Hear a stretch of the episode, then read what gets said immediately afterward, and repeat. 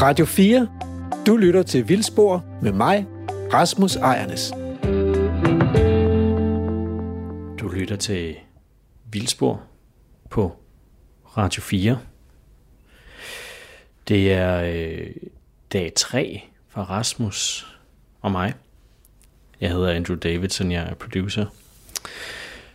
Dag 3 for os, men udsendelse 5 for jer. I de forrige udsendelser har vi besøgt Christina Hesselholdt, Charlotte Weitze, Anders Lund Madsen og Rakel Haslund Kjærild. Alle øh, mennesker, som øh, Rasmus øh, har læst noget af, eller øh, kender lidt på forhånd, eller har en eller anden connection til. Men i det her afsnit, der, kom, der er han lidt på udebane. Vi skal mødes øh, lidt senere med en øh, fyr, der hedder Ole Luk. Han øh, er også kendt som ene medlem af det band, der hedder Afsky. Og øh, så er han også forsanger i Solbrud. Og øh, de navne øh, giver måske lidt et indtryk af, hvad det er for en genre, vi er ude i. Det er nemlig black metal. Og øh, black metal har altid haft en eller anden connection til naturen på den ene eller på den anden måde. Også i høj grad menneskets natur. Øhm, Rasmus er på udebane, jeg er nok lidt mere på, på vandt grund. Jeg er meget glad for øh, den slags musik. Øh, også glad for afsky, og især den plade, som Ole udgav sidste år i 2020, der hedder Ofte, Ofte jeg drømmer mig død. Og øhm, for ligesom at skyde udsendelsen i gang, jeg sidder her på øh, mit hotelværelse, Rasmus og jeg har overnattet i København, øh, for ligesom at skyde udsendelsen i gang, så tænkte jeg, at øh, I lyttere lige kunne høre lidt af åbningen på Ofte jeg drømmer mig død. Det nummer, der hedder Altid Veltilfreds. Og øh, når vi så er tilbage, så er vi nok ude ved Ole. Vi skal besøge Ole i hans, øh, i hans lejlighed, hvor han også har sit hjemmestudie. Og senere så tager vi ud i naturen. Men altså først så får I lige et lille stykke fra Oles plade. Ofte jeg drømmer mig død, og det er altså nummeret Altid vel tilfreds.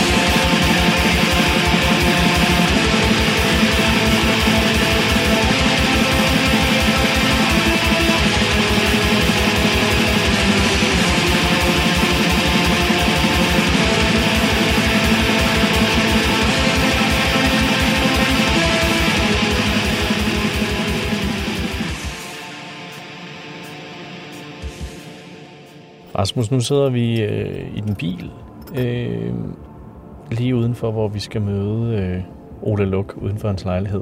Øh, og det er jo, jeg sagde i, øh, i øh, introduktionen til det her program, at øh, de fire første gæster, vi har haft, dem har du, du har læst noget af dem, eller du har et eller andet kendskab til dem, men her går du ind på et lidt ukendt territorie.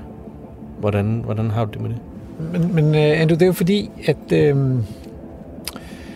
når, når vi skal noget med musik, så er du jo mesteren, det er jo ikke mig. Så, så det er jo dig, der, altså, du bestemmer. Så, så det, det er dig, der bestemmer, hvad for noget musik, vi skal høre i programmet. Og du har også foreslået nogle kunstnere. Og, øh, og det er jo ikke følejazz-kunstnere, du har foreslået. Det, det er jo nogen med lidt noget mere øh, ryg i og, og, og riv og rav og rodski. Ja. Og, og, og du har jo også, for, altså, du har også forklaret mig, at nogle af de her sådan, øh, sådan lidt voldsommere musikbølger, metal af forskellige typer, har en eller anden naturforankring. Mm. Så jeg har tænkt, det er sgu det, vi gør. Men jeg er da, jeg er da rimelig spændt på, hvordan, hvordan det falder ud. Og jeg kan jo ikke andet, altså jeg, jeg er jo novise, ikke? så jeg, jeg må jo bare være nysgerrig og stille spørgsmål. Og så må vi se, øh, hvad der kommer ud af det. Det, er, det synes jeg, det er helt klar på. Går bare ind med åbent sind. Ja, selvfølgelig. Og det skal man jo i øvrigt altid også. Ja. Man kan sige, i virkeligheden er det måske endnu sværere at stille gode spørgsmål, hvis man selv kender svarene. Og det gør jeg ikke i dag. Nej. Okay. Jamen, skal vi ikke... Men, altså, men, men du, du, du kan være sådan en sikkerhedsnet. Hvis jeg dummer mig mega meget, så, får du, altså, så retter du lige op på det. Jeg trækker dig lige til side. At du bryder bare ind og, og tager lidt plads, ikke? Som siger, Ej, det snakker vi ikke om nu. ja, men, det, men jeg, jeg tror ærligt talt også, øh, øh, Ole må være vant til, fordi jeg tror, Ole har lavet en plade med afsky, som er, er kommet lidt ud over de vante kredse, altså er blevet lidt mere... Øh, øh, øh, der er kommet lidt mere opmærksomhed end normalt, så jeg tror, Ole er også vant til de såkaldt dumme spørgsmål. Men det er jo spændende, fordi den plade, øh, som han har lavet med under navnet Afsky, øh, den nyeste der, ikke? Øh, den, øh, det er jo øh, digte af forskellige forfattere, som han har brugt, øh, blandt andet Jeppe Aukær og sådan noget, så det, er jo også, det rækker også tilbage i en gammel dansk tradition. Wow. Altså, og de vidste jo ikke, hvad black metal var på Jeppe Aukærs tid. Det, det tvivler jeg stærkt på. De har ikke set det komme. Nej, det tror jeg heller ikke. Men lad os komme ind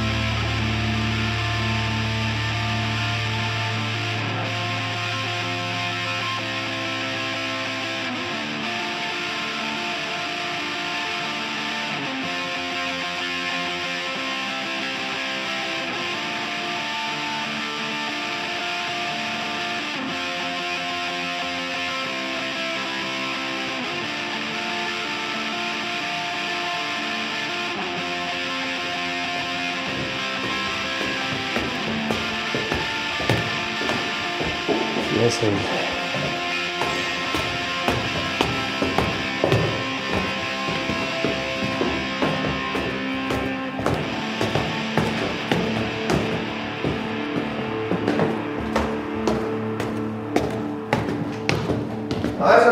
Hej. Vil I kaffe? Åh, man siger aldrig nej. Sjældent nej til en kaffe.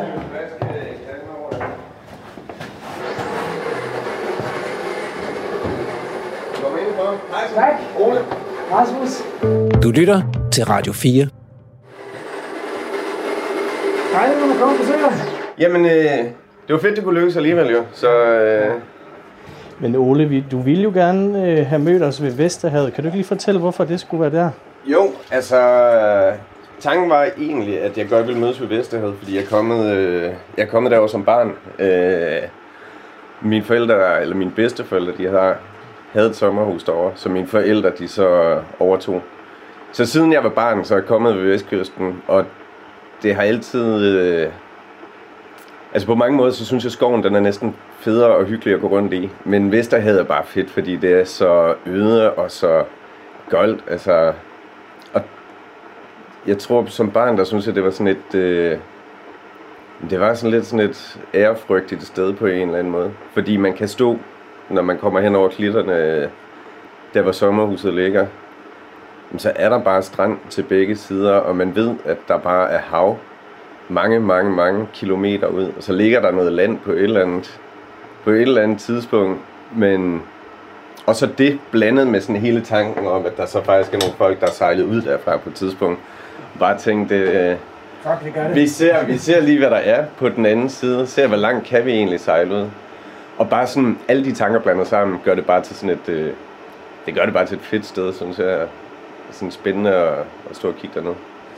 Men altså, vi står jo i din, øh, din lejlighed, som også er hjemmestudie.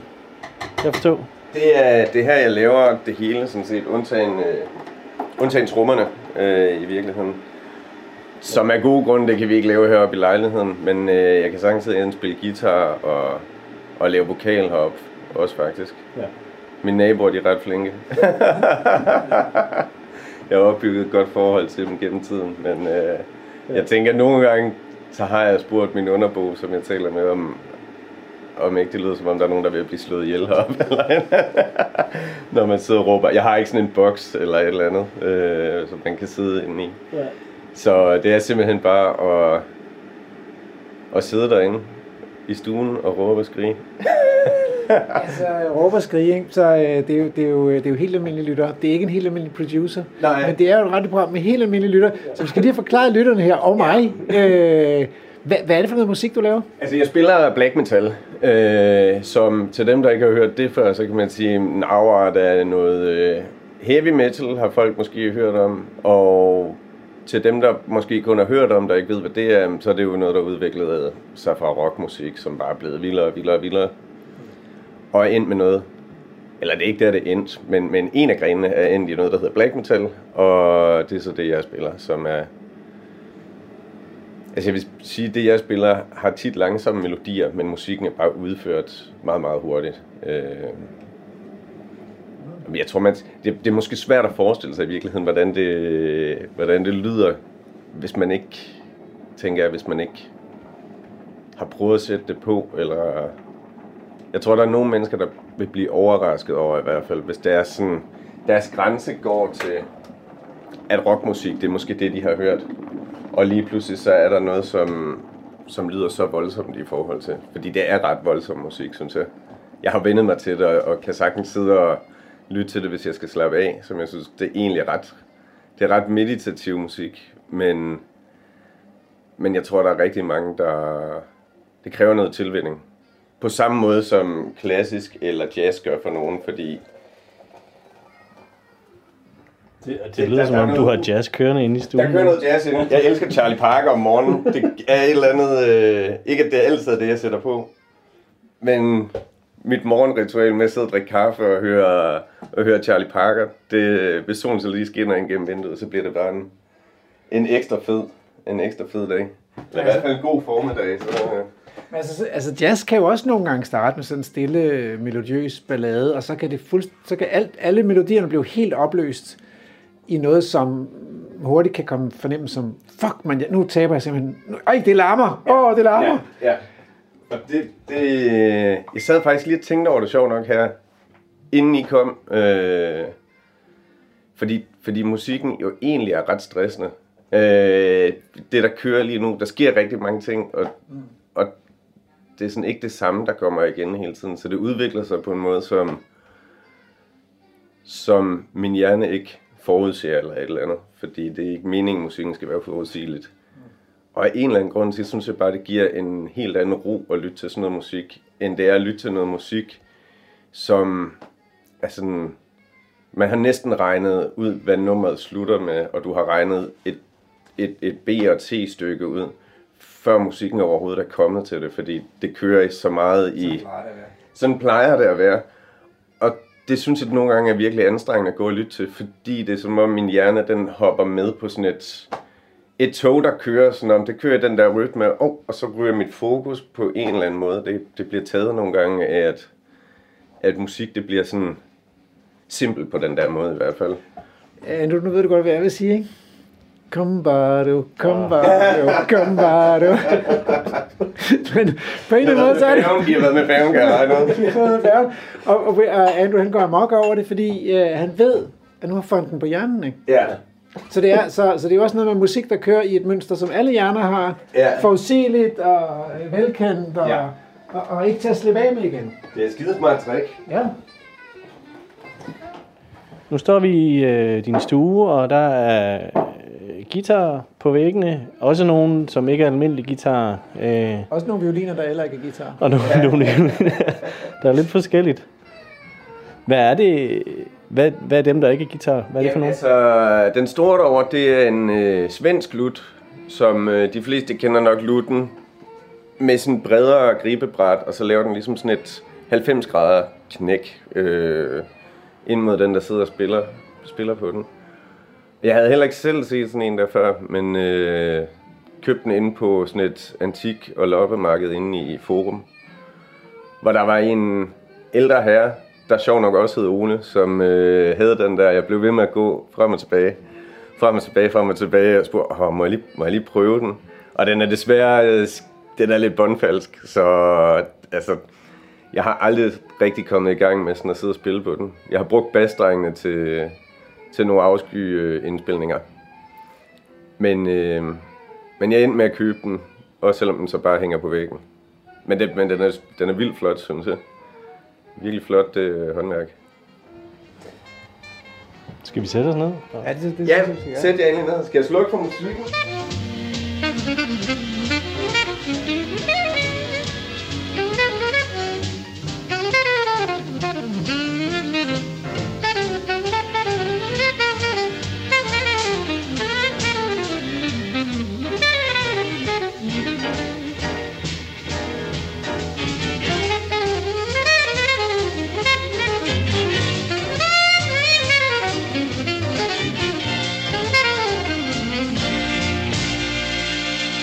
Og du har lovet på et tidspunkt, tror jeg nok, eller så vil vi i hvert fald prøve at lokke dig til at læse noget op. Fordi et af problemerne ja. ved uh, black metal, det er jo, at det er ikke nemt at høre teksten. Nej, nej, det er det ikke. Det er det selvfølgelig ikke. Ikke, øh, Men hvorfor? Altså, jeg mener, øh, er det fordi, du ikke kan lide teksten? Eller er det... at jeg vælger at synge, som jeg gør. Det er det jo ikke. Nej, det er det selvfølgelig ikke. Øh, altså, det, altså, det er jo også en speciel, det er en speciel måde at synge på. Øh, hvor vokalen jo er meget forvrænget. Men øh, det er som sådan en, jeg plejer at sige, det er sådan en, det er sådan en, en følelse af afmagt, der kommer til udtryk. Øh, man er helt desperat, altså på samme måde som hvis folk tænker, at de, øh, altså der er sket en ulykke eller et eller andet, folk skal råbe om hjælp, at, at folk, der sker et eller andet med stemmen også, den bliver sådan, den knækker, eller altså sådan, det er som om, der er så meget lyd, der skal ud, så, så stemmen sætter en eller anden begrænsning. På samme måde som hvis du skruer op for en guitarforstærker, så begynder lyden at blive forvrænget. Og jeg kan godt lide at ligesom sådan male det billede af, at det, det er derfor, at vokalen den, øh, den ender med at være sådan, i mit tilfælde meget øh, sådan hæs og ligger i et, i et lyst register, hvor inden for metal man også bruger det og eksperimenterer med at ligge så, så dybt, som man kan med vokalen. Øh, gør den så bas og, og fyldig på den måde som muligt. Så er, er, er, det, er det i virkeligheden følelsen bag teksten, du, prøver at synge? Det, jamen det, det, det er det helt sikkert. Det er... øh, Altså jeg vil sige, de tekster, jeg skriver, eller sådan, det, det, det er også et eller andet, jeg mener, når jeg synger det. Så derfor så kan jeg godt, også når man står og udfører det live, sætte mig ind i den stemning, jeg måske var i, da jeg skrev musikken. Øh, selvom det kan være lang tid siden. Men bare det at hive fat i nogle små ting, som, som gør den der følelse, for mig i hvert fald, mere ægte eller levende, når man står sådan og, og skal lave den der vokal. Og det er jo også det er jo sådan mørke temaer og og meget sådan død og sådan noget. Det, det kredser om, at livet det skal slutte på et tidspunkt. Så... så altså, altså, kunne jeg få dig til at beskrive øh, coveret på din Jamen, seneste LP, ja. apropos? Det er altså øh, H.A. Brandekildes øh, maleri Udslidt. Øh, og til dem, der ikke kender maleriet, så har mange måske nok alligevel også set det faktisk. Øh, og det er sådan et, et brunligt billede, hvor der ligger en, øh, man ser en mark, kigger ud over en mark, hvor der heller ikke rigtig er noget. Der ligger et lille bundehus i, øh, i baggrunden.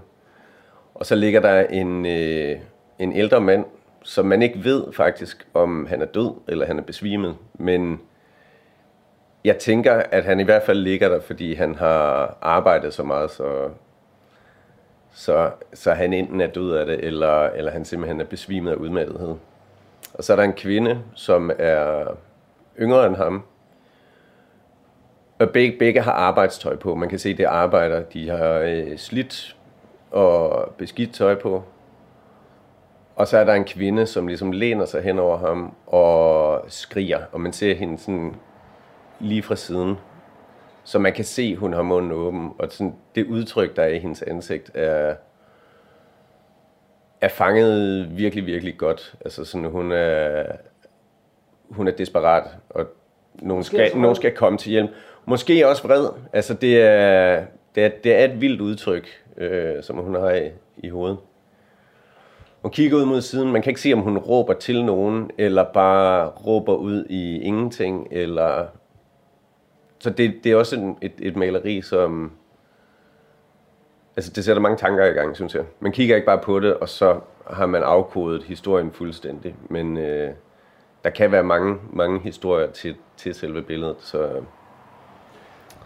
En, en af de ting, jeg tænker på, det er, at øh, som, som biolog, så har jeg jo studeret de der den der mageløse bedrift, det har været at undertvinge naturen, altså som vi mennesker har gjort, ikke? Ja. Og blandt, blandt andet det, i det landskab, hvor jeg bor, som er sådan et morænelandskab i Østjylland, der har vi genoprettet en sø, og der skulle man altså grave 2-3 meter ned i jorden for at finde de der drænrør ja. af ler, ja. som er blevet gravet ned med hånden. Ja. I det der tunge, tunge moræneler, ikke? Ja i, igennem hele landskabet altså. Ja. Og så der er gået sådan nogle, nogle, nogle, nogle det arbejdende folk har simpelthen gået og gravet ja. de der dybe, dybe drængrøfter. Ikke? Ja. Og indimellem om vinteren, og så er de styrtet sammen, og så er de blevet begravet dernede. Ja. Og sådan. Altså, det, har, det, det har simpelthen været så helt ubeskriveligt hårdt. Altså. Det, det lyder helt vanvittigt. Det lyder helt vanvittigt. Alt, I det hele taget, alt, alt arbejde, der tidligere er blevet udført med håndkraft, som man nogle gange ikke tænker over den dag i dag, at, øh, hvor imponerende det, det er. Jeg tænker altid Nyhavn. Jeg sejlede kanalrundfart for mange, mange år siden. Ja, som guide? Og som guide, ja. Og der fik vi sådan en guidebog, og jeg kan huske, at jeg læste, at hele Nyhavn var udgravet af svenske krigsfanger. Hvor jeg bare tænker, og, og Nyhavn er jo ikke engang stor i forhold til mange andre ting, der er blevet gravet med hånden, altså, og, og i København.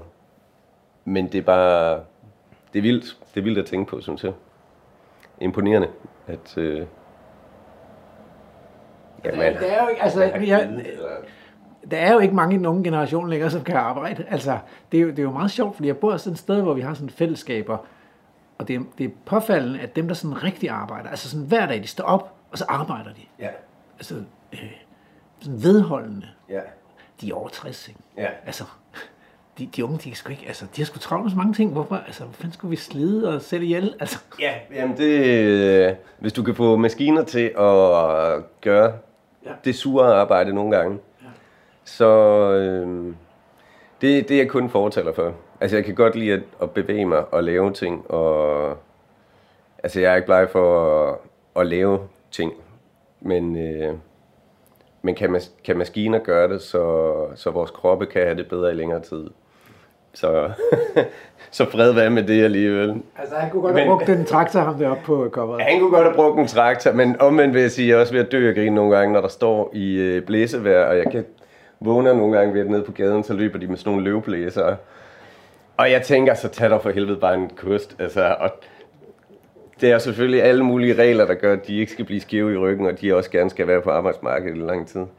Men det virker nogle gange fjollet at stå, jamen så har de også stillet sig i modvind nogle gange, og det, de står bare i sådan en, et show af blade, der blæser rundt om dem, og der er ikke rigtig noget af det, der, der ender i en bunke et sted. Og, ja. vi startede turnéen her øh, hos Christina Hesselholdt, mm. hvis seneste roman hedder Feje blade sammen op mod vinden. ja, jamen, øh, Så nu har vi en reference Ja, direkte ja. tilbage. de løber rundt lige hernede øh, i Nordvest på gaden. Åh, oh, hvor godt. Men altså, øh, øh, jeg, har, jeg har tænkt på, at jeg vil stille, faktisk nogle, jeg har nogle spørgsmål, og et spørgsmål, jeg godt vil stille, det var, hvordan er det med naturen og musikken? ja. Fordi jeg sad og tænkte på det, og der er jo ikke rigtig nogen sådan ude i naturen, der laver musik. Nej, nej, det... Jeg havde en solsort, som var ved at drive mig til vanvid for Ja. to år siden, som, som installerede sig i mit nabolag, og som fløjtede. Så kom Ja. resten af Barbie Girls er ikke vel, men Nej, altså... nej. Øh, Men det men den var bare sådan, den var der bare, og den kom ja. bare hele sommeren igennem. Ja. Men ellers så er det jo ikke, så er der jo ikke meget musik i dyrene. Nej, der er, ikke, der er ikke musik i dyrene, men... Øh, ja, altså... jeg- i, I forhold til mig og, og natur øh, og mit eget musik, så tænker jeg, at naturen, det... Øh, jeg vil gerne have mere natur, øh, mindre... Nu bor jeg selv inde i byen, men altså sådan, jeg, jeg drømmer om en verden i hvert fald, hvor naturen bliver taget mere seriøs. Øh, at dem, der har en mulighed for at lave nogle forandringer i industri og alle sådan nogle ting, der blandt andet er med til at, til at ødelægge naturen. Så på den måde, så er der også, er der også meget af min musik, som ligesom føler jeg ligesom omhandler, at, at jeg gerne vil tilbage til, til at naturen øh, betyder mere, og der er noget øh, ro derude, og der er ikke et øh, hele det der arbejdsstress af, hvor man skal arbejde for andre for, at de i virkeligheden i sidste ende kan skumme fløden. Det handler sådan meget om det, synes jeg, den måde, verden den er på. Og der drømmer jeg egentlig bare lidt om en verden, også fordi jeg bare selv har lyst til at bo uden for byen og have et fedt hus. Og, og med fedt behøver det ikke at være et eller andet kæmpe stort prangende, men et hyggeligt sted, og jeg kan dyrke mine grøntsager og, og faktisk bare nyde livet og have det rart. Og ikke forspilde den chance, eller hvad man skal sige, jeg har fået i det, at jeg har fået noget liv og kan gå rundt herude. Så vil jeg gerne sådan have lov til at ja, og simpelthen bare opleve det. Og, og nyde alt det fantastiske, der er ved naturen. Gå rundt og kigge på planter og dyr og, og opleve alle de ting. Øh, Og lytte til radiopodcasten Vildspor selvfølgelig Og- samtidig. Men, men, hvad, Ja, ja, men hvordan kom, øh, altså, hvordan kom musikken så ind i dit liv? Musikken kom ind i mit liv. Øh, jeg, har- jeg har altid lyttet til musik, og jeg voksede op med mine forældre, de bare har blastet øh, klassisk musik fra morgen til aften. Også vil jeg sige, i en grad, hvor jeg sådan, "Ej, jeg kan simpelthen ikke holde mere klassisk musik ud nu. Og jeg lytter til klassisk musik nu. Nu har jeg også fundet ud af, at klassisk musik er ligesom metal. Der, der er noget, jeg synes er rigtig fedt, og der er noget, jeg synes er virkelig kedeligt og intetsigende. Hvor som barn, der troede jeg måske lidt, at klassisk musik, det var sådan en, det var en kvalitet i sig selv. Hvis det er klassisk musik, så er det, så er det rigtig musik, det er god musik. Og det ved jeg jo godt nu, hvor jeg også selv øh, laver musik. At der er lige så stor forskel på, hvad der er godt, og hvad der er lidt billigt eller nemt sluppet udenom.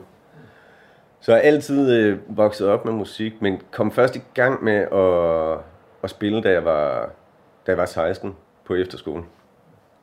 Fik jeg en, øh, en guitar, lærte noget af nogle venner, øh, fik langt hår og bare gerne ville fyre den af med en guitar. Men der var langt, kan jeg huske, dengang fra Drømmen til virkelighed? Eller til Ja, og, og altså sådan, det med at få en guitar, og så sidde med den og lære et par basic akkorder, og måske ovenikøbet bare sidde med en, med en spansk guitar, som der ligger lyden meget langt væk fra elektrisk guitar og rock og metal og sådan noget, som var det, jeg tænkte, det er det, jeg gerne vil. Jeg vil godt spille noget ligesom det, fordi det er fedt. Men det var sådan en helt... Det var virkelig en ny verden, der åbnede sig, fordi jeg kan også huske, at jeg blev meget opgivende meget hurtigt. Man sidder med gitaren og tænker, hvordan skal jeg nogensinde få det her til at lyde som det, der er på de CD'er, jeg sætter på derhjemme? Altså sådan, jeg havde slet ikke nogen idé om, hvordan man skulle gøre, eller, og igen også tænkte, når man musik, der må være nogle regler for, hvordan man skal gøre, og så på mange måder, så dengang jeg startede med at spille guitar, der var det overhovedet ikke meningen, at jeg hverken skulle nærmest have band, eller regnede med, at jeg på noget tidspunkt ville stå på en, en scene og spille for andre, for andre mennesker. Så det kom i virkeligheden først. Det kom mange år senere. De, de første mange år, det var ren øh, lidt noget fjol, og jeg kan huske, at jeg lavede et band, og vi vidste, for at være helt ærlig, vi anede ikke, hvad vi lavede. Vi stod bare nede i et øvelokale, og sådan, de skal da bare skrues helt op, skruet op på alle knapperne på forstærkerne, og undrede os over, så sådan, jeg lyder lidt skrabet, og, og slet ikke havde tænkt over sådan, jamen, men vi skulle bare spille højt, og det skulle bare være vildt, og vidste ikke så meget om akkorder og teknikker, og altså sådan, jeg havde lært de der, kalder dem bamse- og kyllingekorter i dag, men øh, altså bare sådan nogle almindelige lejrebålsgreb, dem havde jeg ligesom lært, og der var en A-mol, der var noget G, og der var noget C, og lige pludselig så havde du en forstærker og en elektrisk guitar at sætte distortion på, og de der akkorder, synes jeg, jamen, det lød jo af helvede til. Det lød ikke, det lød ikke heavy, og det lød ikke metalagtigt. Som, nu ved jeg jo godt, hvorfor det ikke gjorde det, fordi vi skulle bare have lært at tage nogle øh, powerakkorder eller et eller andet, så havde vi været et kæmpe stort skridt længere dengang. Men, men vi havde ikke nogen, der kunne vise os noget. Vi var ligesom sådan en lille en trækløver, øh, som havde noget øvelokale og havde fået købt nogle billige guitarer. Men altså, øh, men, men i vores dage, altså vores digitale dage og med, og med internet og sådan noget, kan man ikke ligesom finde den der kogebog, altså metalkogebogen? Og så, altså hvis man Jamen- bare havde været lidt smart, eller, eller, Jamen, eller så øh, gammel er du da heller ikke. Jeg, er, jeg bliver 37 her snart, så, så, så gammel er jeg heller ikke nu. Men der var, ikke, der var ikke noget YouTube, der var ingenting dengang. Der var øh, et bibliotek, hvor vi gik ned, og så lånte vi sådan nogle øh, Metallica-bøger, hvor du kunne lære at spille deres sange. Men når du så åbnede dem, så var det skrevet, det var simpelthen skrevet i noder det hele. Og jamen, det var bare endnu en mur, som vi løb ind i, fordi ingen af os kunne læse noder overhovedet. Og Jamen selv hvis vi havde fået lidt hjælp til at prøve at afkode det, altså det var igen som at... Jamen jeg ved ikke, det, det, var virkelig, det var virkelig svært at sidde med en, en bog, som du ikke... Det var, det var hieroglyffer eller et eller andet for mig. Og så sidde med gitaren og ikke kunne finde ud af at oversætte det. Og igen samtidig med, at vi havde ikke nogen venner, der var ældre end os, der kunne spille guitar, der lige kunne sige sådan og sådan, eller prøv at gøre det der, eller en god ting, hvis du gerne vil lave noget, eller det der, så prøv at træne den her teknik. På samme måde, som jeg selv ville give råd videre til nogen i dag. Du lytter til Radio 4. Må jeg tage det med kaffe? Ja, ja, det, den er meget bedre end den på hotellet. Det, det, ja. hvad hedder det? Men, men havde du så en lærermester, der hjalp, hjalp dig videre? Altså, hvordan kom det der breakthrough fra øh, Bamse og Kyllingakkorterne og så til noget? Jamen, jeg tror i virkeligheden, for at være helt ærlig, så tror jeg lidt, at jeg kørte rundt i bamser og kyllingakkorder, og ikke sådan helt, heller ikke gå all in på at skulle lære det der med at spille guitar, fordi altså, der var jeg 16, der skete så mange andre ting også, som jeg gerne ville og ville være en del af. Så på mange måder, så var jeg sådan lidt doven måske i virkeligheden i forhold til at sætte mig ned og lære nogle ting, eller tage imod et tilbud om at få noget musikskoleundervisning, som det kunne jeg også bare have gjort. Men, men der var på en igen, så ja, jeg ved ikke, hvorfor jeg ikke gjorde det dengang. Det krævede også lige pludselig, at jeg skulle give det måske en helt anden indsats. Og det jeg egentlig gerne ville, det var måske ved siden af alt det, der fyldte meget dengang. Og så lige kunne spille lidt guitar også ved siden af. Men, øh, men jeg flyttede, jeg opvoksede opvokset i Flensborg. Og flyttede til, øh, til Aalborg. Hvor jeg ligesom, så brød jeg ud af den der, når vi bare venner, og så prøver vi at lave noget musik sammen, fordi vi er venner. Så skiftede jeg over til, "Nå, nu vil jeg faktisk godt lave noget musik, og prøve at finde nogle ligesindede, der vil lave måske noget af det samme, som det jeg også gerne vil. Så det var, en, det var lidt en stor, stor hjælp at møde andre, som også, at det var musikken, der var i fokus, og ikke så meget, og bare øl og venner og øvelokale, og som også var skide hyggeligt, men der kom ikke så meget musik ud af det.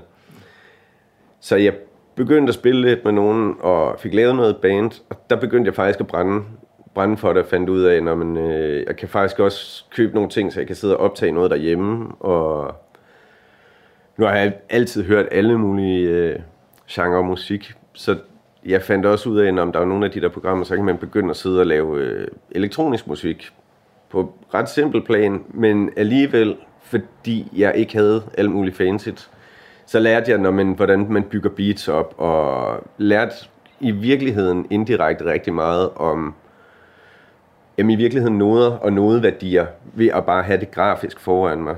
Og der begyndte at ske en masse ting ved, at jeg sad hjemme og i virkeligheden nørdede lige så meget at sidde og lave beats og sådan nogle ting. Sætte musik sammen. Det, der behøvede jeg ikke at være god til at spille musikken selv. Der kunne jeg tage, og jeg kunne sample, og jeg kunne lave alle mulige andre ting. Så jeg i virkeligheden skulle koncentrere mig mere om at arrangere et eller andet og sætte det op. Frem for selv at være god til at mestre instrumentet. Og det var i virkeligheden også rigtig meget med til at gøre, at musik blev sjov, fordi det gav en eller anden anden sådan mere grundlæggende forståelse af, der er noget med nogle omgange, og tallene går ligesom op i hinanden, og sådan noget, når man skal lave, når man skal lave rytmer. Og derfra, jeg flyttede så videre fra, fra Aalborg til København, og det var i virkeligheden så først der, at jeg sådan med, hvad jeg følte var sådan en, en okay bagage af, hvad jeg kunne, og også havde lært at spille mit instrument til, til en grad, hvor jeg i hvert fald var tilfreds med det, jeg kunne, og sagtens kunne se det her. Det kunne godt havne på en CD, og så ville jeg i hvert fald selv synes, den var fed at lytte til.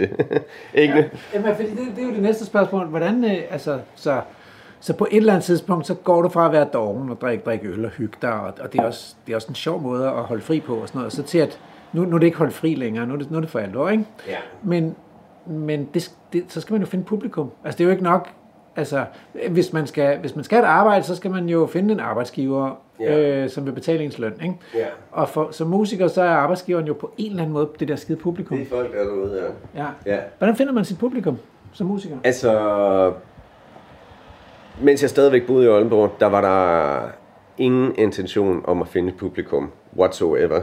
Der var det at lave nogle numre, fordi vi synes det var fedt.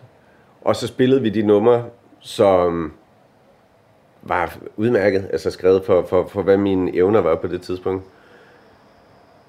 Og det blev lagt på MySpace, og jeg tror ikke, der er særlig mange udover os selv, der har været inde og lytte til de der sange. Måske er der nogen, der er kommet forbi tilfældigt. Hvad, hvad, hvad hedder det band? Og det hed, øh, ja, hvad fanden hed det? Det hed Battle Slave dengang. øh, det var lidt sådan en gang noget dødsmiskmask. Lidt noget, der stak af i nogle forskellige retninger, men det var også fordi, så har man lige lært at spille det her, eller på den her måde, og så skulle det jo bruges, fordi nu var det det, man kunne, så skulle det bare, så skulle det puttes ind i sangen. Men øh, nu glemte jeg lige, hvad var spørgsmålet var. Hvordan finder man sit publikum? Nej, hvad er publikum? Ja. Og det var virkelig ikke meningen, vi skulle have et publikum dengang overhovedet. Øh, det var først, da jeg flyttede til København. Og så begyndte jeg at spille sammen med de fyre, som det så blev til, øh, det blev til solbrud. Og de snakkede om, kan jeg huske dengang, sådan, om vi skal ud og spille, og de havde spillet noget øh, koncert allerede. Jeg havde spillet i Flensborg med det aller, aller første band, som jeg startede med, som, altså, vi havde det skide sjovt, men det var ikke, fordi det lød godt. Og, men vi formåede alligevel at spille, var det tre eller fire live-koncerter i Flensborg. Så jeg havde prøvet at stå på en scene før. Men lige pludselig, så var det også rykket fra øl og sjov til, at nu har vi faktisk øvet et eller andet, som vi synes er fedt, og vi er stolte af at have lavet, og det vil vi gerne spille for nogle, øh, for nogle mennesker. Og det var, det var egentlig først der, at øh, det, var, det var med solbrud, at det ligesom blev interessant, og vi var ude at spille, og vi fik noget god respons efter koncerten, og folk sagde, at det var fedt, og det føltes fedt, at der var nogen, der ligesom roste det, man havde lavet, og Gud, det var meget, det var meget grænseoverskridende på en eller anden måde, dengang at skulle stille sig frem. Både fordi jeg så endte med at synge og spille guitar i bandet, og lige pludselig skulle stå og spille, selvom jeg havde været på en scene før, hvad der så føltes som min første koncert, øh, koncert nogensinde. Men samtidig med, så gav det også bare utrolig meget blod på tanden, og man var ligesom også et hold, der var enige om, at øh, det er fedt, det vi, det vi har lavet, og jamen, hvis de andre ikke synes, det er fedt, så synes vi stadigvæk, at det er fedt. Så er vi stadigvæk ligesom et, et hold, der er enige om, at det er godt, det vi har lavet. Men, øh, men det var meget grænseoverskridende. Men det var helt sikkert også det, der gav, det gav blod på tænden, synes jeg. Og man gerne ville, man ville gerne have det længere ud til, til folk. Du lytter til Radio 4. Du lytter til Vildsborg på Radio 4. Vi er hjemme ved øh, Ole Luk, som øh, er enmands her i Afsky. Ej, så tror jeg, så skal jeg vist på toilettet. Og han er ved at skænke kaffe så op. undskyld, jeg snakker øh, enmands her i Afsky, og øh, forsanger guitarist i Solbrud. Øhm, og der er altså et spørgsmål, jeg synes, vi sprang for let over. Og det er det her med øh, musikken i naturen. Øhm, jeg synes jo, der er helt vildt meget musik i naturen. Men det handler jo også om det sprog, vi bruger om det. Men altså, når jeg lytter til Vesterhavet, der bruser, så er det jo en dronende lyd, eller, eller når, når regnen øh, øh, trummer ned, jamen, så bruger jeg et musikudtryk, jeg siger trummer ned, ikke? Det kunne ja. godt være en stor trumpedal, der hamrer derud ikke? Altså, øh, nu har vi svalerne udenfor, ikke? Der er jo helt vildt meget musik. Mursejler. Mursejler, det er godt, tak, ja.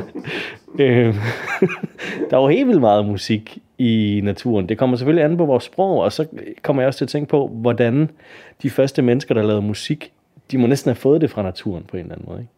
Så jeg synes, vi sprang for let over det spørgsmål. Hvad tænker, hvad tænker du, Rasmus? Jamen, jeg ved sgu ikke, altså, øh, jo, jo, på en, der er jo lyd, der er masser af lyd i naturen. Mm. Det kan man jo ikke sige andet. Øh, men, men det der med at, at begynde at, at digte videre på den lyd der, det er jo lidt ligesom sproget.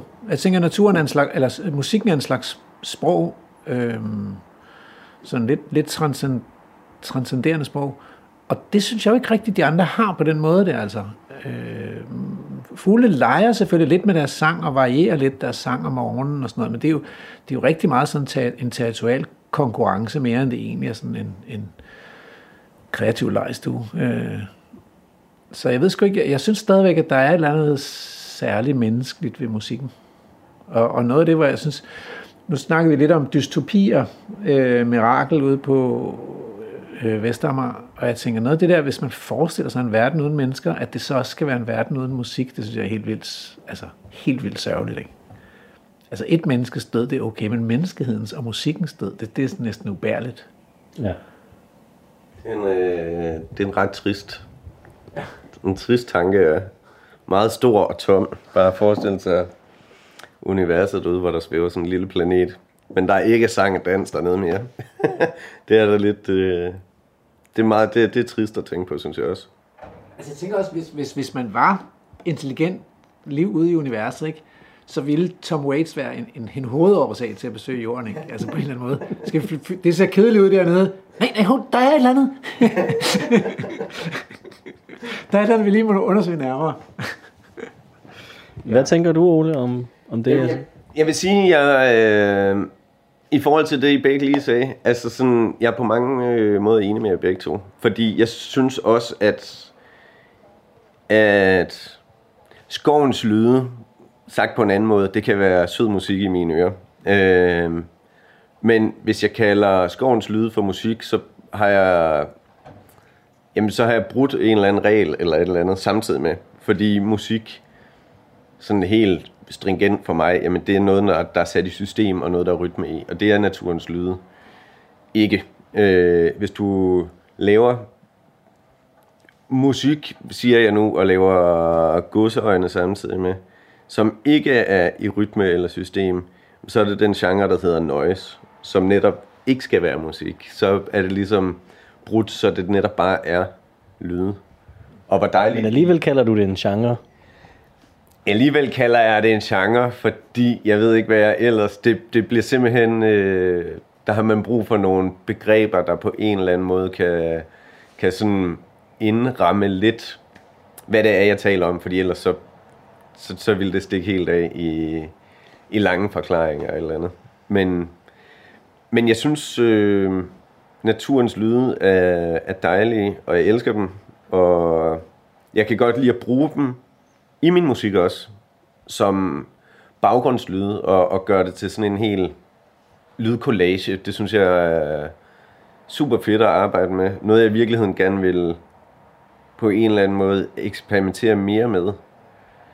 Øh, uden at det overhovedet bevæger sig for langt væk fra guitarmusik og, og black metal, som er det, jeg jo egentlig laver. Men der, der, der synes jeg, at naturen er, er sindssygt fed og, og kan bruges fedt på den måde. Men, men jeg tror heller ikke, jeg vil kalde det musik som sådan. Men der er et eller andet interessant, fordi du siger, at musikken den er så karakteriseret ved rammer, og tidligere fortalte du om den gang, det gik op for dig, at de der tal også ligesom kunne gå op i hinanden Ja. i, i rytmerne, ikke? Så man kan godt have et eller andet, der kører Ja. på tværs, men de, på et eller andet tidspunkt, så falder det sammen igen i, i et mønster, ikke? Øh, så mønstre og rammer karakteriserer musik, og samtidig så, så kan jeg ikke lade være med at have den der fornemmelse af, at men musikeren forsøger samtidig at bryde ud af det. Ja. Fordi hvis man, hvis man slet ikke bryder ud af det, så bliver det kedeligt, eller ensformigt, eller forudsigeligt, eller et eller andet, ikke? Ja. Det var lidt det samme, vi snakkede om øh, ude i køkkenet. Med, hvis musikken bliver for ensformig, så sker der også et eller andet i min hjerne, mm. hvor jeg godt kan lide, jeg kan godt lide, at min hjerne ikke kan regne ud, hvad der er, der sker. Ja. Øh, lige om lidt, ja. I bare i musikken. ikke generelt. Men, øh, og, og i virkeligheden, jeg gør det også rigtig meget, øh, jeg gør det faktisk rigtig meget selv, når jeg laver musik. Fordi jeg også falder i nogle, der er nogle musiske faldgrupper, og når man har lært at spille en skala på guitar, eller tage nogle akkorder i en bestemt rækkefølge, så hvis jeg bare sidder og, og hyggejammer med mig selv øh, i sofaen en formiddag, og tager nogle akkorder, så kommer jeg også tit til at, at lave noget, som er sådan irriterende lige til højre benet. Fordi det er bare det, det ligger på en eller anden måde, sådan en hel muskelhukommelse i kroppen. Når man har du sagt taget den tone, jamen, så lyder det meget godt med den der.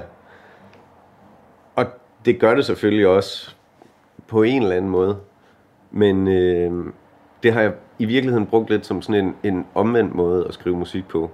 Hvis, det, hvis jeg rammer det der, der er for lige til højre benet, også selvom det er bare en ledetone op til noget andet, hvordan kan jeg så tage en eller anden, en lille omvej for at komme derhen, som er noget, jeg skal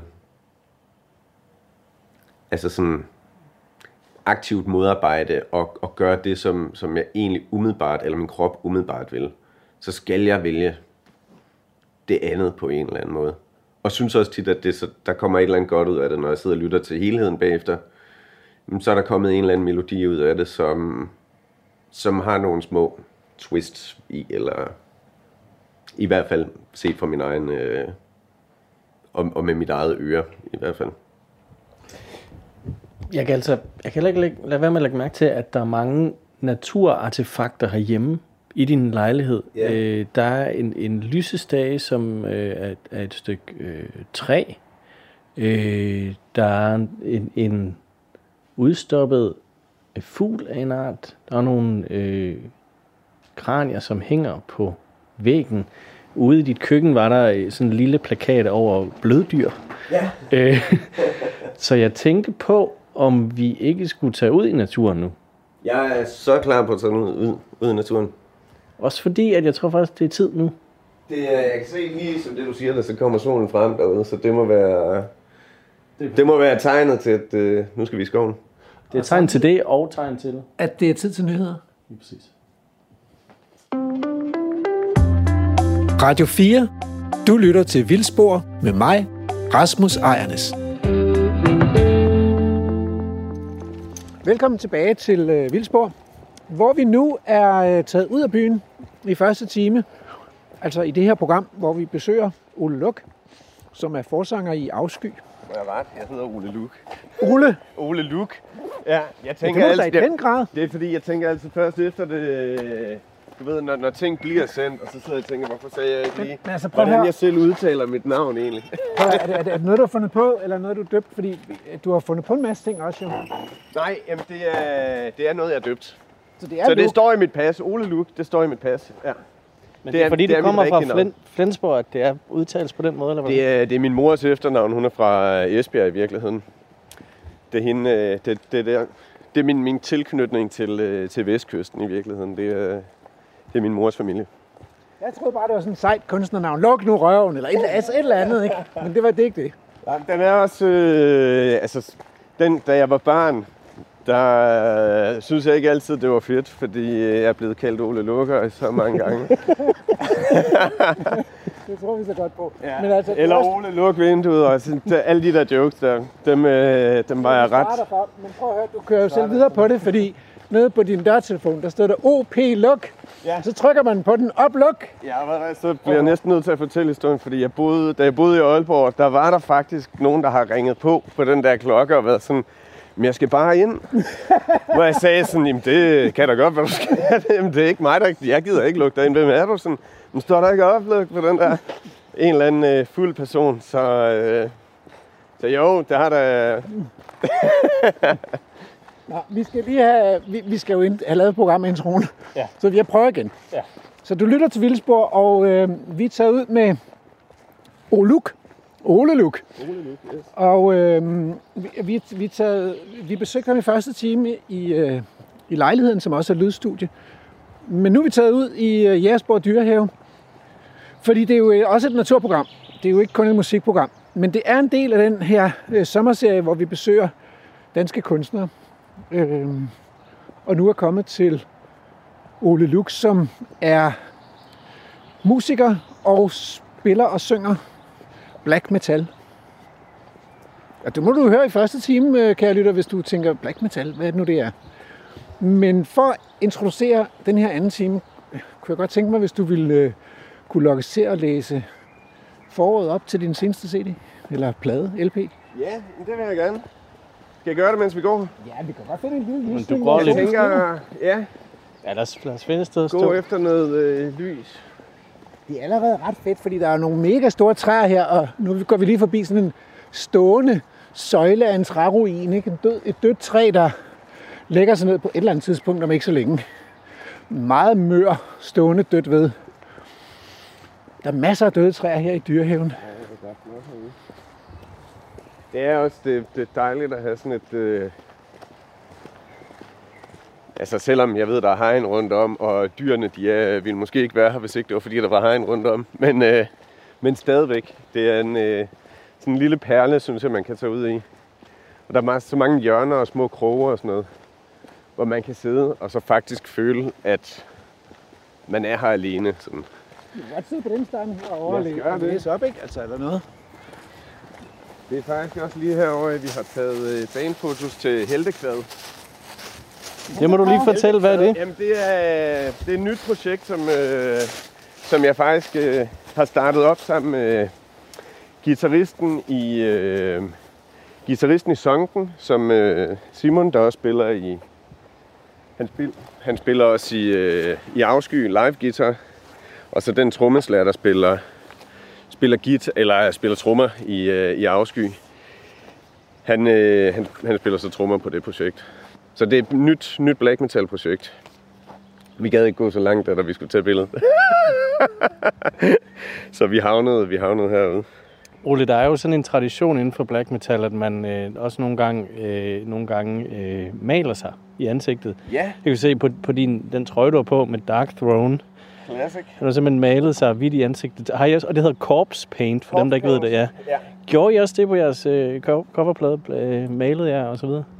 Øh, nej, det gjorde vi ikke. Og jeg kan huske, øh, i solbrud, øh, der var det på tale, kan jeg huske, om, om vi skulle gøre det. Fordi jeg, jeg synes, det ser fedt ud. Det er et fedt udtryk på, øh, på, på billeder. Altså især på fotografi.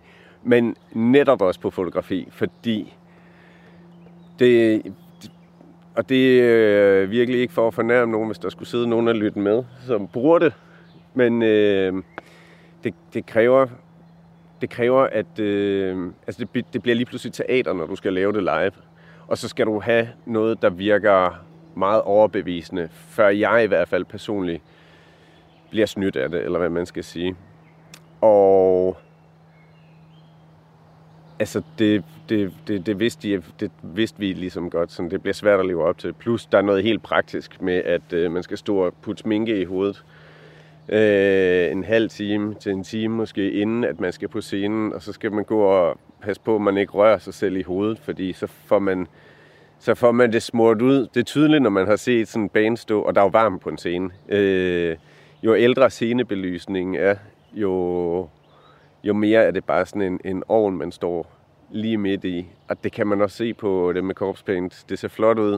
Det er rigtig flot lige når de går på. Og efter et kvarter bare, så er der den første, der lige har sådan taget armen og kørt den hen over ansigtet for at tørre sved eller hår væk fra, fra ansigtet. Og jeg har set nogle shows, hvor det næsten ender med, at jamen, når koncerten er slut, jamen, så er det kun lige inde i, i øjenkrone, hvor, hvor armene ikke har kunne køre rundt inden, at det der, der stadigvæk sidder lidt maling, og sådan lidt rundt om munden. Og det gør jo bare, at det går fra at være... Det tager noget af det magiske af i hvert fald. Så, så, så i kraft af alt det, så, så valgte vi også ikke at spille med, med Corpse Paint. Det er jeg også glad for den dag i dag, vil jeg sige. Jeg kan godt lide at stå som mig selv, også fordi hele tekstuniverset øh, er et andet end det, hvor man måske typisk har korspain på. Og det bliver...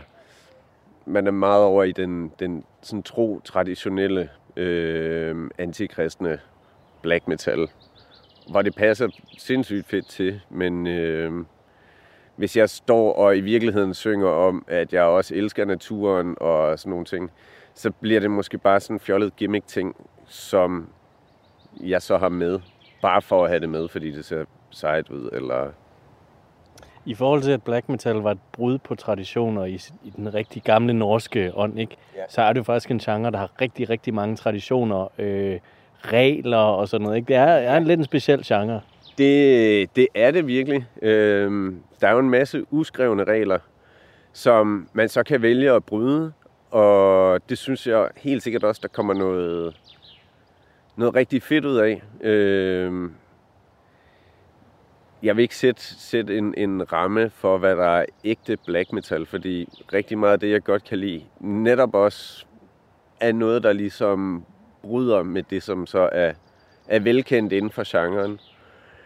Som, jamen, så er der måske nogen, der siger, så er det ikke det rigtige mere, eller et eller andet, men hvis det også handler om at lave noget, som folk godt kan blive lidt provokeret af, og du så måske i virkeligheden kan ramme nogle af de der elitister, der sidder og, og synes, at de ved, hvad det ægte black metal er. Også mange, der måske ikke engang overhovedet selv spiller genren, men bare har en meget stærk mening om, hvad der er ægte og hvad der ikke er. Så øh, synes jeg i virkeligheden, det kan være lidt fedt at rykke til dem. Øh, men igen også, hvor man stadigvæk bevarer et eller andet altså et eller andet. Altså, jeg håber, at alle dem, der laver musik ud i verden, de laver det for deres egen skyld, og ikke for at skulle plise eller behage folk. Det ved jeg godt. Sådan er det ikke. Men jeg vil ønske, at folk bare lavede musik, som var for deres egen skyld. Og hvad du så kalder det, eller hvad det er, det bliver måske lidt mindre vigtigt i virkeligheden, fordi det handler om følelsen. Men jeg tror, der er nogen, der, der godt kan have, at der er noget, der bliver taget væk, hvis, hvis man drejer for meget på knapperne, eller gør det til noget giver det et nyt twist eller et eller andet. Der er også ting, jeg aldrig selv ville gøre. Og, og så er der ting, som jeg synes er spændende at, at eksperimentere med. Du lytter til Radio 4. Ja, en tekst. Ja. Det kan du lige forklare, hvad du sidder med der? Jamen lige nu, der sidder med øh, bookletten. Øh, det hæfte, der fulgte med. Øh, min sidste udgivelse. Og der er alle teksterne i. Og teksterne er på den sidste plade, jeg lavede. Dem har jeg ikke selv skrevet, dem har jeg taget. Men du har selv skrevet forordet? Jeg har skrevet forordet, ja. Og det tænker vi måske kunne starte med. Det kan jeg sagtens lige øh, læse højt en gang her. Jeg har skrevet, øh, og, og jeg har skrevet forordet både på, på dansk og engelsk, fordi jeg synes, det var vigtigt, at også dem, der ikke kunne læse teksterne, så alligevel havde en idé om, hvad det gik ud på. Og der står, øh, ofte jeg drømmer mig død, som er pladens øh, titel, er en samling af gamle danske digte og tekster, som jeg har skrevet musik til. Jeg har som musiker ofte fundet inspiration i gamle danske tekster, digte, middelalderskrift og salmer. Jeg har dog ydmygt forsøgt at efterstræbe den måde at skrive på. Dels fordi denne måde at bruge sproget på, efter min egen opfattelse, passer bedre til selve genren, men ligeledes som en stille protest mod, at jeg finder det danske sprog i folkemunde ofte virker utrolig fattigt. På denne plade har jeg udelukkende lavet de gamle tekster tale og har forsøgt at sætte dem til live, eller vække dem til live med musik, der griber dybt ind i min sjæl. Og derfor er denne plade, eller derfor kan den her plade også ses som en hyldest, hyldest til dansk poesi og lyrik, som jeg i selv jo i mange år er blevet øh, inspireret af. Ja, ja. Fedt. Ja. Og, øh, og det, det, altså, det er meget svært ikke lige at spørge lidt ind til det der med død, også fordi vi sluttede jo første time af i din lejlighed med at konstatere, at der lå, altså der hænger jo nogle kranier, og der ligger nogle knogler og, sådan noget. Ja. Jeg tror endda, du fik, inden vi ligesom gik ud af døren, fik afsløret, at du, du lige havde været i Sverige og hentet nogle knogler og sådan. Og det er ikke fra en, det er ikke fra en afdød slægtning. Det er det ikke, nej. Det var fra diverse dyr, øh, der lå rundt omkring i, øh, i skovbunden. Altså andre mennesker kører til Sverige for, for at se levende dyr og Ja. levende blomster og orkideer og sådan noget. Ja. Og, og, og, og ynglende, truttende traner og dansende traner, men, men, men du tager op for at finde nogle knogler. Ja. Jeg så også på levende dyr, og vi klappede en masse dyr, og nyt den øh, levende, sprudlende natur. Øh, men det andet, det... Så generelt, vi, vi har i, i, i den danske naturdebat, der er døden, det fylder ret meget altså. Ja. Øh, og dødsprocessen fylder enormt meget, og det, det kan vi snakke mere om, men min erfaring er, at de fleste mennesker vil helst ikke tale om det. Ja. Det er nok også meget rigtigt, fordi jeg ved ikke, om det er, om den bliver mindre virkelig, hvis man ikke taler om den, fordi alle godt ved, at vi skal dø på et tidspunkt. Og lige nu må man håbe, at øh, så folk har det godt, og så er det ikke en rar tanke. Det er ikke en rar tanke, hvis man... Fordi jeg også tror, mange forbinder døden med altså noget, noget trist. Øh, det er folk, man elsker, der lige pludselig ikke er der mere. Øh, døden er også, inden man dør, så er kroppen gammel og træt og udslidt, og kan ikke det, som den kunne, da den var ung. Og det tænker jeg også bare er ting, der er med til at gøre, at det er, det er ikke rart at snakke om. Så derfor så, så vil vi helst ikke gøre det. Det er, det er altså noget afmagt. Det talte du også om tidligere, ja. afmagt. Og, og der er også noget, og der er måske også noget lidelse. Ja. Der kan også være smerte jo i forbindelse med en dødsproces. Præcis. Men øh, altså jeg vil sige omvendt, så, så synes jeg jo, når man taler, når man taler om døden og gør det til noget sådan meget hånd, håndgribeligt, når vi, vi skal alle sammen den, øh, vi skal ligesom alle sammen den vej, og det, det ved jeg. Øh, det skal jeg også. Så synes jeg virkelig, det, det gør, at jamen, hvad, hvad skal jeg så bruge mit liv til? Der, jeg ved ikke, om jeg bliver genfødt, eller hvad der kommer til at ske, øh, når jeg dør, eller om der er noget af min ånd, der lever videre i nogle, nogle andre, eller et eller andet. Men, men jeg, som den jeg er nu, vil ikke være der mere på et tidspunkt. Og det, at jeg ved det, det gør også bare, at altså, det er jo med til at forme mit liv og de valg, jeg tager. Fordi jeg gerne vil have det bedste ud af den tid, hvor jeg er her, og gerne vil opleve ting, og jeg vil gerne skabe nogle ting, fordi det giver mig en personlig glæde at lave ting og kunne tage et skridt tilbage og kigge på det og tænke, det er da fedt, det har jeg selv lavet det der. Om det så er musik, eller det er tage ud og fotografere, eller bygge et eller andet i træ med mine hænder, så giver det mig en stor personlig glæde og jamen sådan, jeg er også meget autodidakt med mange ting, men, men det der med at, at finde ud af at lære, jamen jeg, jeg bliver bedre til ting, jeg bliver god til ting, og så finder en glæde i det. Det synes jeg for mig giver det sådan en kæmpestor glæde til livet, at jeg har det. Og jeg kan ikke forudse, hvor mange år jeg kommer til at leve endnu. Så jeg har ikke schemalagt hver dag til resten af mit liv, men jeg har da sådan en, en god idé om, hvad for nogle mål jeg ligesom skal nå til hele tiden, for at, at jeg føler som, mig som et helt og lykkeligt menneske. Så, så, så man kan sige, at du på en måde bruger døden til at sætte livet lidt i relief, eller få, få mere nærvær i livet, eller... Men, men, men hvad med selve døden? Altså, er du noget så, nu er du ikke så gammel, så du må også bare sige pas, ikke? Men er du noget så langt som til at tænke over, at vil du gerne, vil du gerne dø... Øhm, øh, altså, vil du gerne have en sprøjte, så du ligesom, så, så, ligesom slipper nemt over øh, Nej, det der svære det vil- punkt, eller vil du gerne dø, dø vågent og levende og bevidst, uanset hvad det gerne, øh, Hvad forestiller du dig der? Jamen, altså sådan... Jeg har øh, med, med nogle venner også talt, talt rigtig meget om døden, og så sådan selve, hvor, altså selve bare følelsen af det. Hvordan føles det at dø? Og det synes jeg også er, er spændende. Nogle, øh, altså det er svært at, at spørge nogen, der er døde. Hvordan, hvordan føles det egentlig det øjeblik? Lige det øjeblik, du døde. Der er en masse... Øh, altså, der er en masse folk, der har nogle teorier og hvad der sker, men lige præcis, hvad der, der sker. Og nogle folk, der har eksperimenteret med at rent faktisk nærmest dø kunstigt, og så blive vækket til live igen lige efter, for at komme endnu tættere på, på hvad er det egentlig, der sker, og bliver der udløst nogle øh, endorfiner op i hjernen, så det øjeblik, at man dør, der vil det måske næsten føles som sådan en, en glædesrus, øh, og, og, og slet ikke noget trist. Og jeg ved ikke, om det er sådan et, et håb, at jeg håber, det føles sådan. Øh, men selve tanken, synes jeg er dejlig. Og det tror jeg, hvis det er sådan, det føles, så vil jeg ønske, at den følelse, man kunne dele det med dem, helt klassisk, der er en, der ligger i en hospitalseng, og så står familien rundt om. Og jamen, dem, dem, der er de mest triste i den situation, det er jo de pårørende, der står rundt om, som stadigvæk, det er de levende, som, som stadigvæk står der og er der sammen, når den person, der ligger i sengen, så, så tager sit sidste åndedrag. Men hvis den, der ligger i sengen, i virkeligheden... Jeg vil, jeg vil ikke dø i en hospitalseng, men selve billedet af, at man faktisk dør, mens at folk, man holder af, de er til stede og nærværende, eller man kan holde fast i dem, holde deres hænder. Og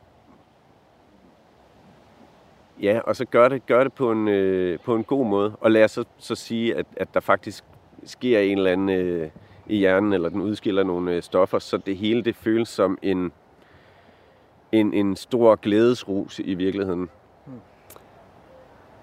er også Hvis- bare, altså, jeg mener, det er jo i hvert fald en ting, vi kun kommer til at opleve en gang. Så det er lidt ærgerligt Ja. at gå glip af det. Men Ja. når, når det kun sker én gang, ikke? Ja, præcis. Øh, så derfor vil jeg også hellere... Jeg tror i virkeligheden helst, jeg vil... U, altså, man kan sige jamen, lige meget, hvor overvældende det så er. Jamen, så er du jo væk bagefter. Altså...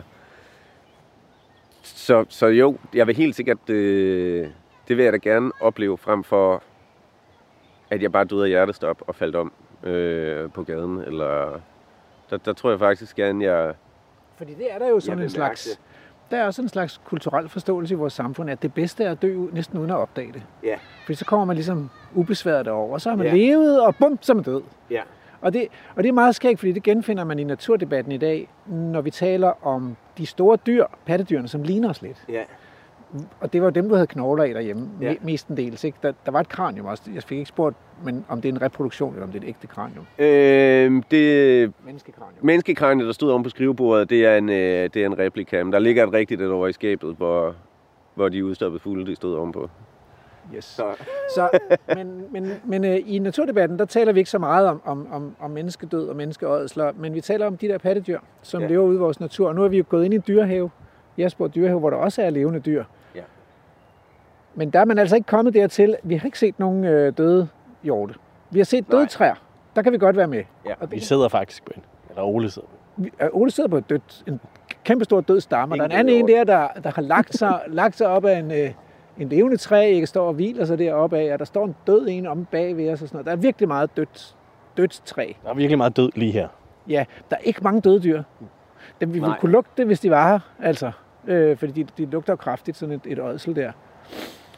Og, øh, og naturdebatten, jeg tror, den er der, hvor de fleste vil være med på, at man lagde nogle døde dyr ud her.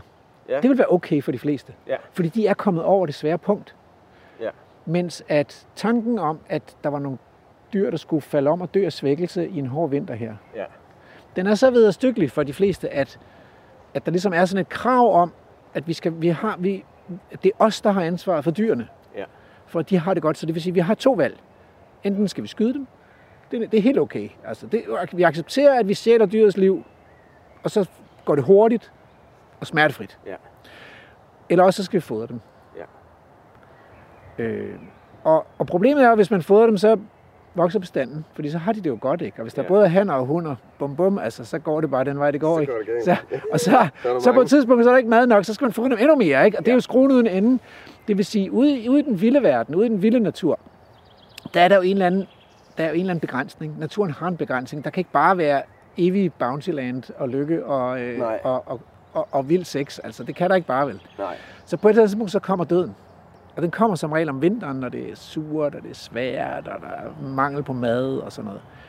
Og det er der altså meget, meget stor modvilje mod. Så er der krav om, at vi mennesker, vi griber ind, og vi er dyrenes værger og passer på, på dyrene og tager os af dyrene og sådan noget. Altså, må man godt spørge, hvad du tænker om det? Ja, øh, jamen sådan, sådan er det jo blevet. Altså, vi har jo ligesom også overtaget de steder, som dyrene boede på, og gjort det til vores lige pludselig. Så vi har sådan ligesom ændret hele dyrets, alle, alle dyrs øh, præmis for overlevelse. Sådan.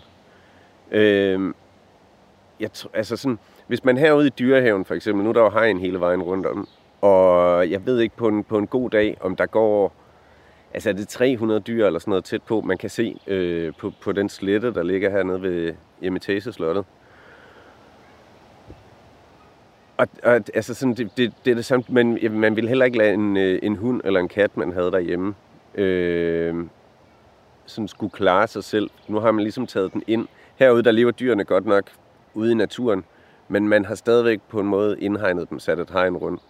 Og dermed så synes jeg, at mennesket har taget et ansvar for de dyr. Øh, Men er konsekvensen Men... så i virkeligheden, at vi ikke, at, at drømmen om, som biologer som mig, vi drømmer jo om vild natur i Danmark, Ja. ikke? At, at den drøm må vi ligesom forlade, fordi, fordi øh, som du også selv sagde, da vi gik ind, det var meget skægt, du siger, at, at, at nu, og her er jo dyr herinde, men, men det er jo lidt en illusion, fordi hvis der nu ikke havde været noget hegn, så havde de ikke været her, så var de løbet ud, ikke? ja.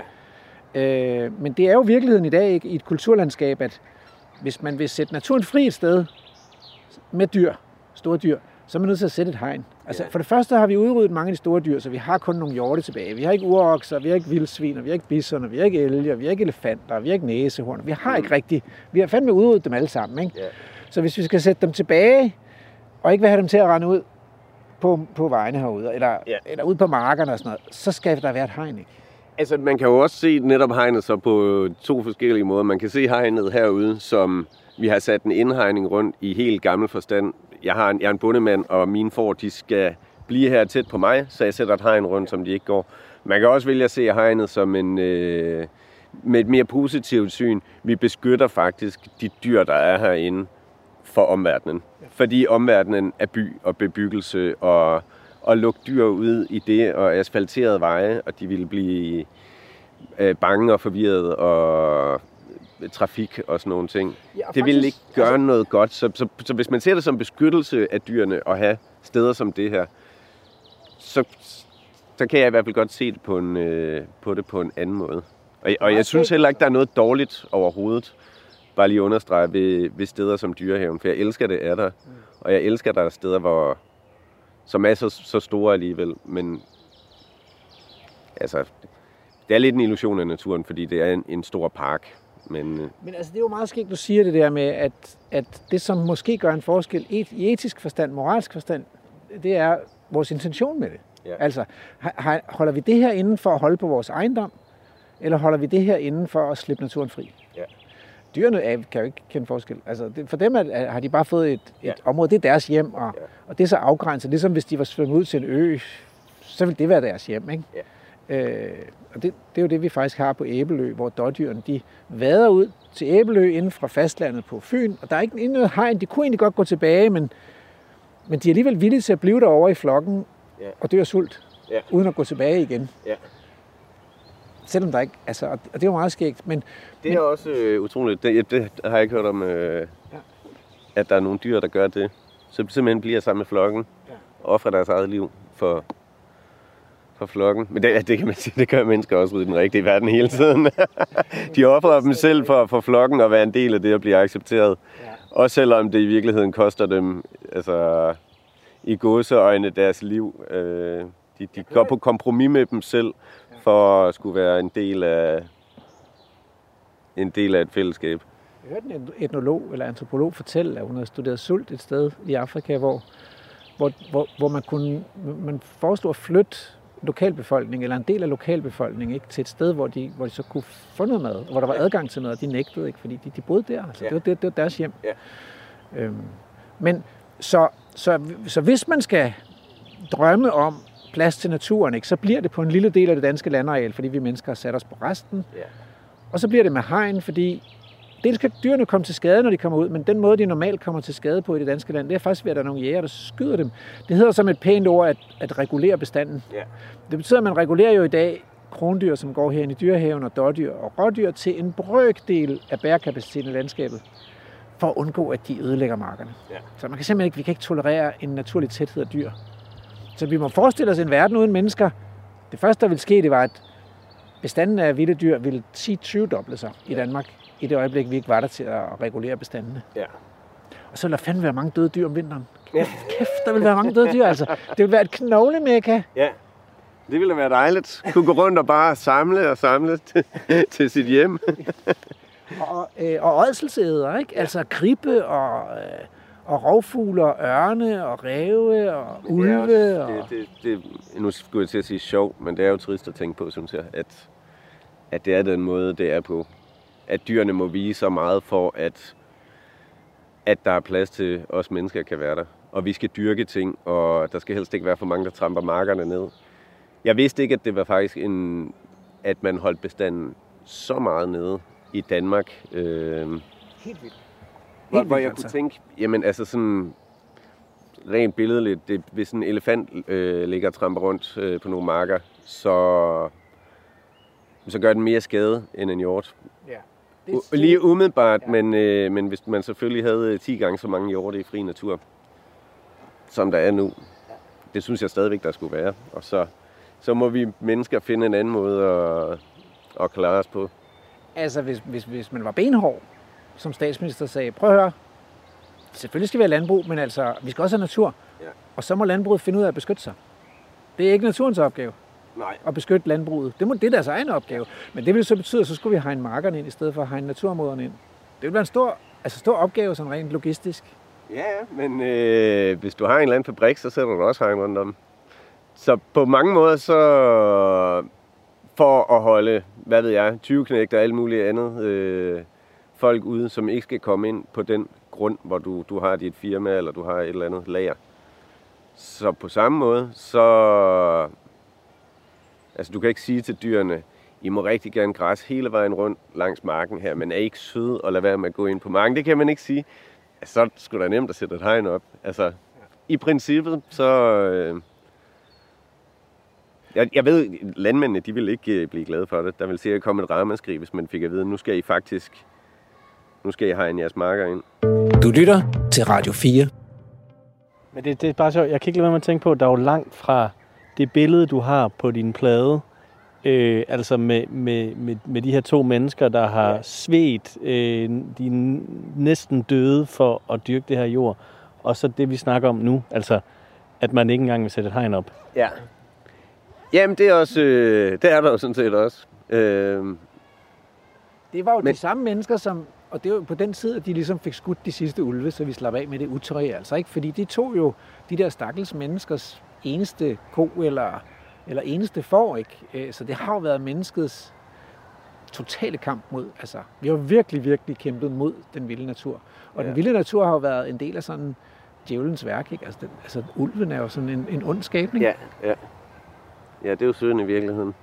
Men altså, sådan, jeg forstår det også... Øh, set i sådan et, et lidt ældre lys, der giver det måske også mening med, øh, med rovdyr og sådan nogle ting. Men altså i dag, hvor...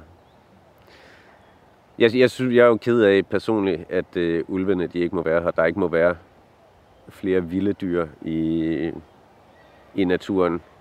Igen også fordi, jamen, hvis en landmand han så mister nogle får, eller nogle høns, eller hvad det nu måtte være, jamen der er, der er så mange penge, der florerer i forvejen, som erstatninger og, øh, hvad hedder det, at folk de får støtte og sådan nogle ting. Så det burde også være muligt at putte ind i, så naturen den kan være der. Og jeg tror, fordi der er stadigvæk natur, men, men som det gradvist forsvinder, jeg tror ikke, man lægger mærke til det. Og allerede nu er der jo også nogle ting, der er for sent, og nogle dyr, nogle raser, der ligesom er, er uddøde, som man ikke kan få igen. Jeg tror, der kommer til at sidde nogen om et par hundrede år og tænke, hold kæft, hvor var de nogle idioter, dem der levede her nu. Hvorfor, hvorfor tog de det ikke mere? Hvorfor tog de det? Jamen, det, det, jeg tænker det samme. Men, øh, men før vi får de sidste med, så, øh, så sker der desværre ikke en ændring, tror jeg ikke. Fordi det stadigvæk er det, det penge og vækst og profit og sådan nogle ting, der, øh, der styrer verden. Og det er, det er super sørgeligt, at det er sådan. Nu har jeg en vild hypotese, ikke? Ja. Så jeg tænker, de første menneskers første kunst, det var hulemalerier af, af store dyr. Stort set udelukkende. Det var det eneste, de malede. Elefanter, øh, næsehorn, urokser, krondyr, elge, huleløver. Altså et vildt udtræk af store dyr i Europa. Ikke? Ja. Nu er de væk. De er væk, og for de fleste mennesker der er de ikke kun væk fra verden, de er også væk fra forestillingerne om verden. Så man har simpelthen glemt, at der har været elefanter i næ- og næsehorn i Europa. Ikke? Ja. Og, og løver, store huleløver, som lidt større end den afrikanske løver. Sådan. Det er helt væk. Men ting, ting kan jo ikke på den måde blive helt væk. Så det er jo et eller andet sted i, i vores underbevidsthed, at de der, de der musikbevægelser, som dødsmetal og black metal og sådan noget, ja. at det er virkelig den, den samme sådan længsel efter det farlige, eller det mørke, eller det ubehagelige, eller... For der er ret meget død i sådan en sabelkat, øh, og, Ja. altså, og, og der, der er ret meget voldsomhed i en elefant eller et næsehorn eller Ja. sådan noget, ikke? Og den, den er ligesom, det er ligesom, vores verden er ligesom blevet pæn, hygiejniseret, øh, opryddet og sådan noget. Så hvor, Vilde. ja, hvordan kan vi finde det vilde? Ja, Kunne man godt se, se den musikgenre og så sige, at øh, den var simpelthen ikke gået for 200 år siden, vel? Fordi der var stadigvæk så meget kamp mod en ubendig natur og stormfloder og, og så videre. Ikke? Den, det havde ikke slået an dengang. de Altså. ikke øh, havde det samme øh, overskud til at sætte sig ned og, og nyde det. Men, men jeg kan sagtens, øh, jeg kan sagtens se, øh, jeg kan sagtens se sammenligningen. Øh, der er ikke nogen i dag, der laver... Altså, jeg forestiller mig at gå på jagt, øh, hvis du skal ud og, med spyd og prøve at nedlægge en elefant. Øh, adrenalin og spænding og også noget ren overlevelse. Man bliver nødt til at få nedlagt det her dyr. Det handler ikke om en eller anden sport eller en eller anden øh, dum øh, øh, Vesterlands øh, safari mand, der bliver sendt til Afrika, fordi han synes, at det ville være rigtig fedt at få lov til at skyde en løve eller et eller andet øh, dyr. Så hele den der naturlige overlevelses- og, og, og kampting, tænker jeg også, det der, det der med, at folk bliver formet af, at det er, det er råt og, og det er vildt, og det var mere vigtigt dengang at være, forestiller jeg mig, en, en altså sådan stærk maskulin øh, kriger, og fordi det var lige med din styrke og, og, og intelligens også. Det var det, der gjorde, at du kunne overleve. Og, og, og i dag, der er det jo taget det er, jo, det er jo taget fra mennesket, på godt og ondt i virkeligheden. Men, men som vi talte om tidligere også med de der maskiner, hvis, øh, hvis maskiner kan gøre arbejdet, så mennesker ikke bliver slidt op, jamen, så er det jo et rigtig godt redskab, som man, øh, som man har. Det er også fedt at, bruge en sten til at åbne en hår ned med, end sin knor eller, eller et eller andet. Så, men, men, men der er jo ikke noget af det i... Der er ikke noget af det i dag. Der er det ekstrem sport, man søger, eller ekstrem musik, eller... Men, men du beskriver jo også i, ind- altså det forår, du læser op fra dit hæfte her, Ja. at du faktisk føler, at det danske sprog er også blevet sådan lidt. Altså det er ikke kun danskerne, der er blevet saftfattige, eller indtørret, eller kedelige. Det, det er også sproget. Så, så du har søgt, Ja. ja. søgt tilbage, altså for at finde noget saft og noget kraft, Ja. som passede til den musik, du laver. At man giver ting værdi, også selvom det bare er sproget. Ja. At, at sproget ikke bare er et, et, et middel til at øh, person A forstår, hvad person B siger, og omvendt, og man ligesom har nogle øh, regler for, at ord betyder et eller andet. At det bliver sådan en ren praktisk ting, jamen så kan du jo også på samme måde som sang og musik, men så tager du bare sang og musikken fra, og så har du nogle ord, der står alene, som er smukke eller flotte og meget beskrivende også øh, i forhold til sådan almindelig dansk hverdagstale, som, Så ord, ja, som, som, som, som bliver lidt fattig. Ja. Jeg, jeg kan huske fra mine forældre, de, øh, altså de almindelige kulturkristne, der går, i, øh, der går i kirke, så det har jeg også været som barn øh, til højtider, hvor man har siddet og sunget salmer. Og der kan jeg huske fra den gang allerede, der var øh, ord, som jeg stødte på, hvor jeg tænkte sådan, wow, det lyder, det lyder flot, og sådan, det lyder, ja, det lyder, det lyder af noget. Så jeg lige og tænker sådan, flammeord for eksempel, står der i en eller anden øh, salme, flammeord, så sidder man sådan og tykker lidt på det som barn, sådan, hvad betyder det egentlig? Og så sådan, det er jo bare et sammensat ord. Flamme kender man, ord kender man. Så sætter du dem sammen, og så bliver det lige pludselig til noget nyt og smukt og sådan spændende. Så, så det kan jeg huske som barn allerede. Der var mange af de ord, som jeg sad og læste i de der salmebøger, var sådan... Jeg, lag, jeg bed mærke i dem, og senere hen i livet, så har de så også fået en, en større betydning. Da jeg selv blev ældre, Men altså, øh, det der øh, black metal, er det sådan antikristent, eller, eller Altså, er det, det- noget pjat? Eller? Altså det er det jo i udgangspunktet, og der er, du vil helt sikkert også møde mange, som siger, jamen det er kun black metal, hvis det er, hvis det er antikristen. Det er ligesom det, der ligger i genredefinitionen. Black metal, jamen det er, fordi det er noget sort magi og okkult, og det er mod, øh, det er mod kristendommen. Men har du så brændt nogle kirker af? Jeg har ikke brændt kirker af. De er sten alle sammen herhjemme, så øh, de brænder ikke skide godt. øh, Nu sad du lige og talte henført om, om de gamle salmer og sådan Ja. noget. Altså jeg tænkte, det er sådan lidt fesen for sådan en black metal Ja. øh, forsanger. Ja.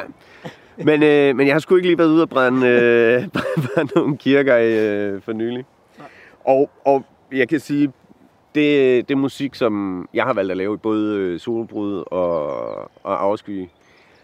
Der, der kan jeg huske, jeg, jeg sad dengang, hvor jeg skulle skrive, øh, skrive de første tekster, og min hjerne den knæde, fordi, jamen, hvad skal jeg skrive om? Skal jeg lave, skal jeg bygge videre på det, alle andre synger om? Og, og det, som er, er, er det genren, den, den var til at starte med. Og som jeg også selv umiddelbart var fascineret af, jeg synes var fedt, skulle jeg lave mere af det. Og det hænger egentlig også lidt godt sammen med, med hele den der snak om at have korpspenge på. Hvor jeg nåede frem til, jamen, det, jeg, jeg vil faktisk gerne synge noget, som, som jeg synes er, er mere ægte, eller der betyder noget for mig. Og i og med, at jeg overhovedet ikke øh, beskæftiger mig med religion, hverken i sådan en positiv eller noget negativ, det er der, og der er nogle folk, der går op i det. Og det skal de sådan set også have lov til, det må de gerne, for min skyld. Men, men det er ikke noget, jeg gider at bruge tid med, fordi det betyder ikke, det betyder ikke noget for mig. Og det, det fjerner fokus fra det, som jeg synes er, er fedt og virkeligt i verden, hvis jeg skulle til at tro på, at Altså jeg føler jo lidt, vi er beslægtet, fordi øh, inde på hestenettet, Ja. der er jeg blevet sådan lidt ondskabsfuld figur. Ja. Fordi at jeg går ind for at lade dyrene have deres liv og død i fred. Ja. Og det, det bliver betragtet som sådan lidt sadistisk. Så ja. jeg tænkte på, om vi skulle gå sammen lidt ud i dyrehaven og se, om vi kan finde et dyr og drikke dets blod. Ja, jamen øh, lad os se, om vi kan fange et eller andet.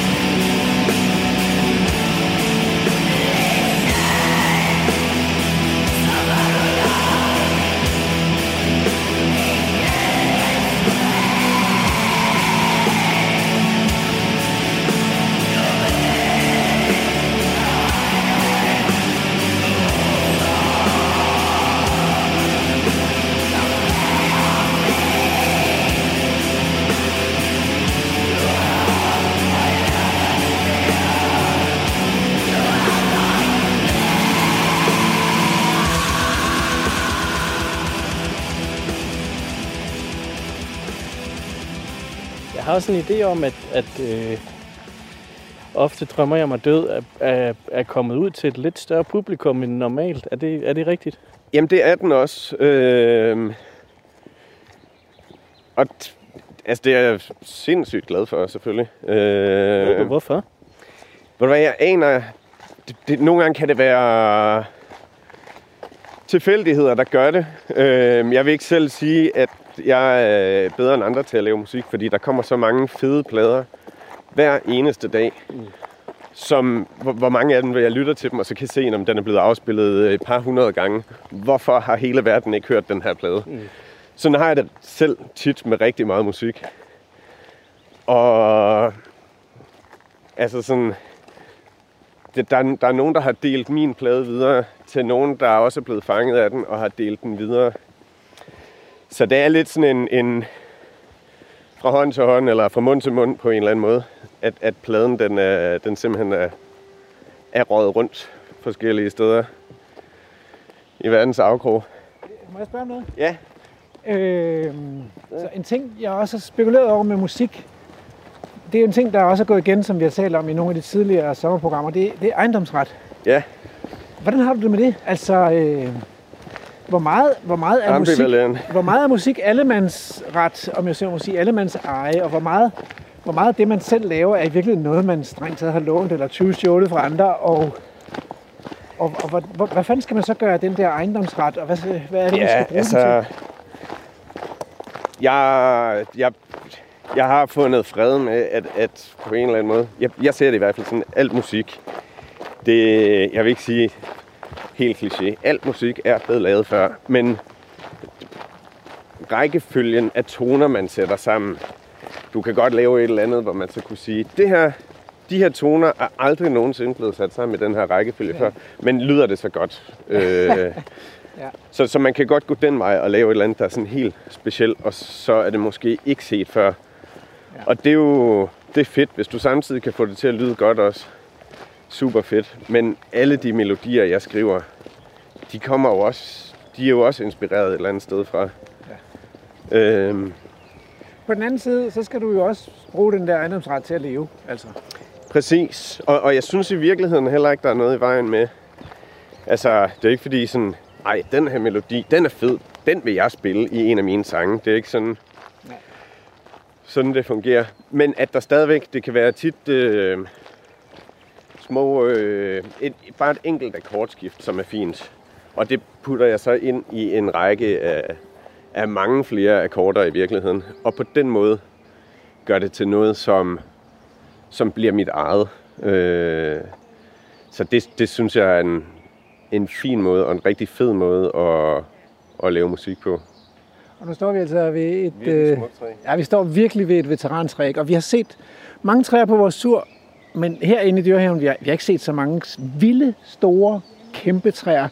Og så vi har set små huller i træer, men det her det er jo ikke et lille hul, det er jo et kæmpe hul. Ikke? Jeg, altså, Du kan godt stå jeg, derinde, Jeg kravler derinde, altså. Hold lige den her. Hold nu kæft, mand.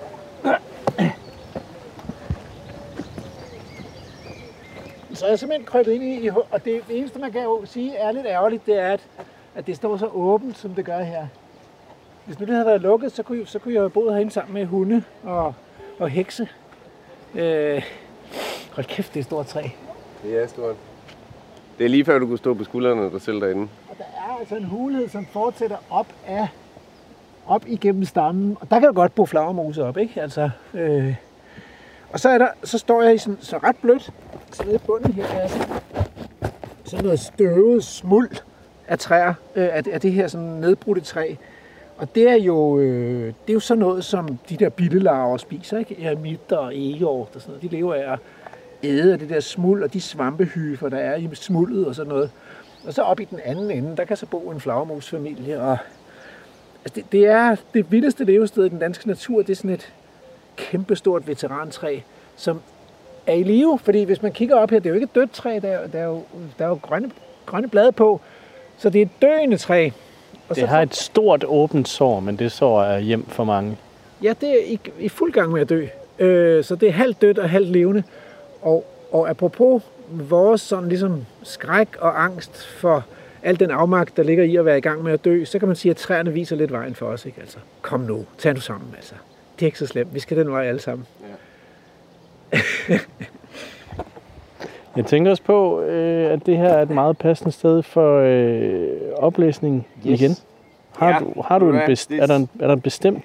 Jamen nu gik jeg lidt og tænkte på, øh, nogle af teksterne er også øh, rigtig, rigtig lange, så jeg vil tage en øh, lidt kortere en, som øh, er H.C. Andersen, som, øh, som, ja, som jeg, jeg, jeg, selve H.C. Andersen var jeg lidt i tvivl om, jeg ville have med. Fordi så mange har et forhold til H.C. Andersen, som måske godt kunne gå ind og give sådan en for, forståelse, ødelægge et eller andet, øh, og tage et eller andet af, af projektet i virkeligheden. Men øh, han har skrevet nogle ret dystre ting også, så, så jeg vil læse stemninger, som øh, han har skrevet, som siger, Hvil sødt, som var du lagt i dødens grin. Du med en erindringsrose, fager og fin. Du er i verdens mere, du er kun min.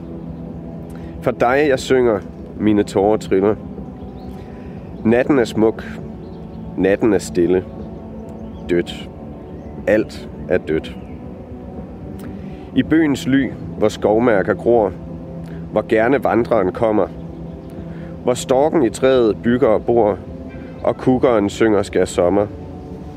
Ved det spejlklare hav, ved det svulmende hav, grav her min grav. Jeg giver mig en grav ved det åbne hav, i ly af duftende bøge. Den vilde rose skal gro på min grav, og børn der legeplads søge. Ved det spejlklare hav, ved det svulmende hav, grav der min grav.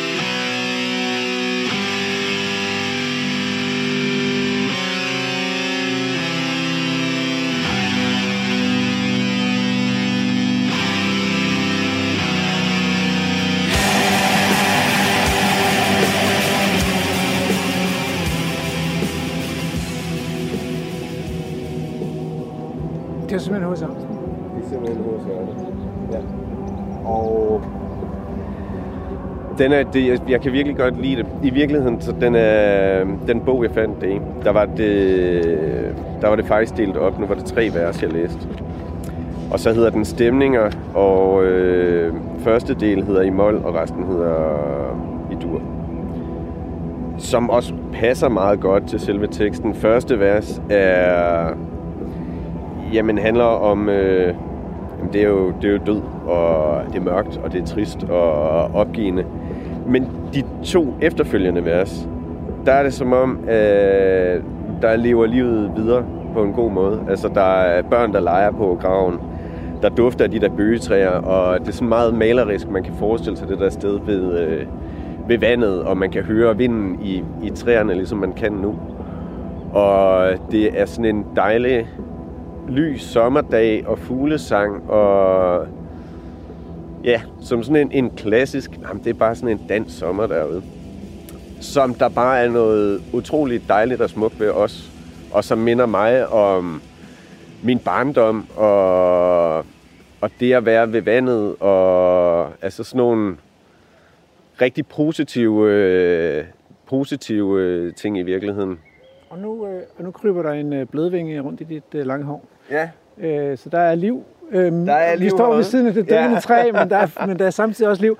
Og det, det tror jeg simpelthen, er det ikke rigtigt, at vi er nået til vejs ende i det her program? Så jeg vil gerne sige tusind tak for at have indvidet, Jamen- os, indvidet mig i Ja. ja. black metal, og været, været modig nok til også at tale om døden. Ja. Og så alligevel finde et, et, et lidt håbefuldt sted at, starte, at slutte programmet. Ja, der er håb derude. Så Ole Lund, Jamen, øh, mange tak også, Ole fordi Luk. øh, Ole Luk. Ja, tak for i dag. tak fordi I gad at have mig med. Du lytter til Radio 4.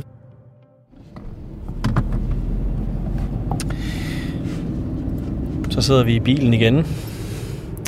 Vi er nu på vej til vores næste gæst, men det... Øh, er 147. ja, men øh, det hører I først mere om øh, i næste uge selvfølgelig. Øh, Rasmus, programmet her er ved sin vejs ende, så vi mangler egentlig bare haikuet, men jeg vil bare lige altså lige reflektere en lille smule over, jeg synes, det har været en rigtig, rigtig interessant samtale med Ole, Ole Luk. Den oplukkede nogle perspektiver. Sorry. Undskyld, Ole. Det, det har det, og, øh, og, og det var en fornøjelse at også at møde et ungt menneske, der ikke var bange for at tale om, om død. Altså, som, øh, døden som et grundvilkår. Mm. Øh, også, også en fornøjelse at, at få, få udforsket, sådan lidt mere udforsket den der, Om 300 meter. de der øh, relationer mellem naturen og musikken Ja. som jo på en eller anden måde også ligger i, i programmet, når vi to laver det, ikke? Altså, du kommer med musikken, og jeg kommer med naturperspektivet, så rigtig god dag. Er du klar til haiku? Ja, det er jeg. Min bedste alder. Ofte drømmer jeg mig død. Omfavner alting. Programmet er produceret af Folkeuniversitetet og Aarhus Universitetsforlag for Radio 4 med delvis støtte af Ove Jensen Naturfond.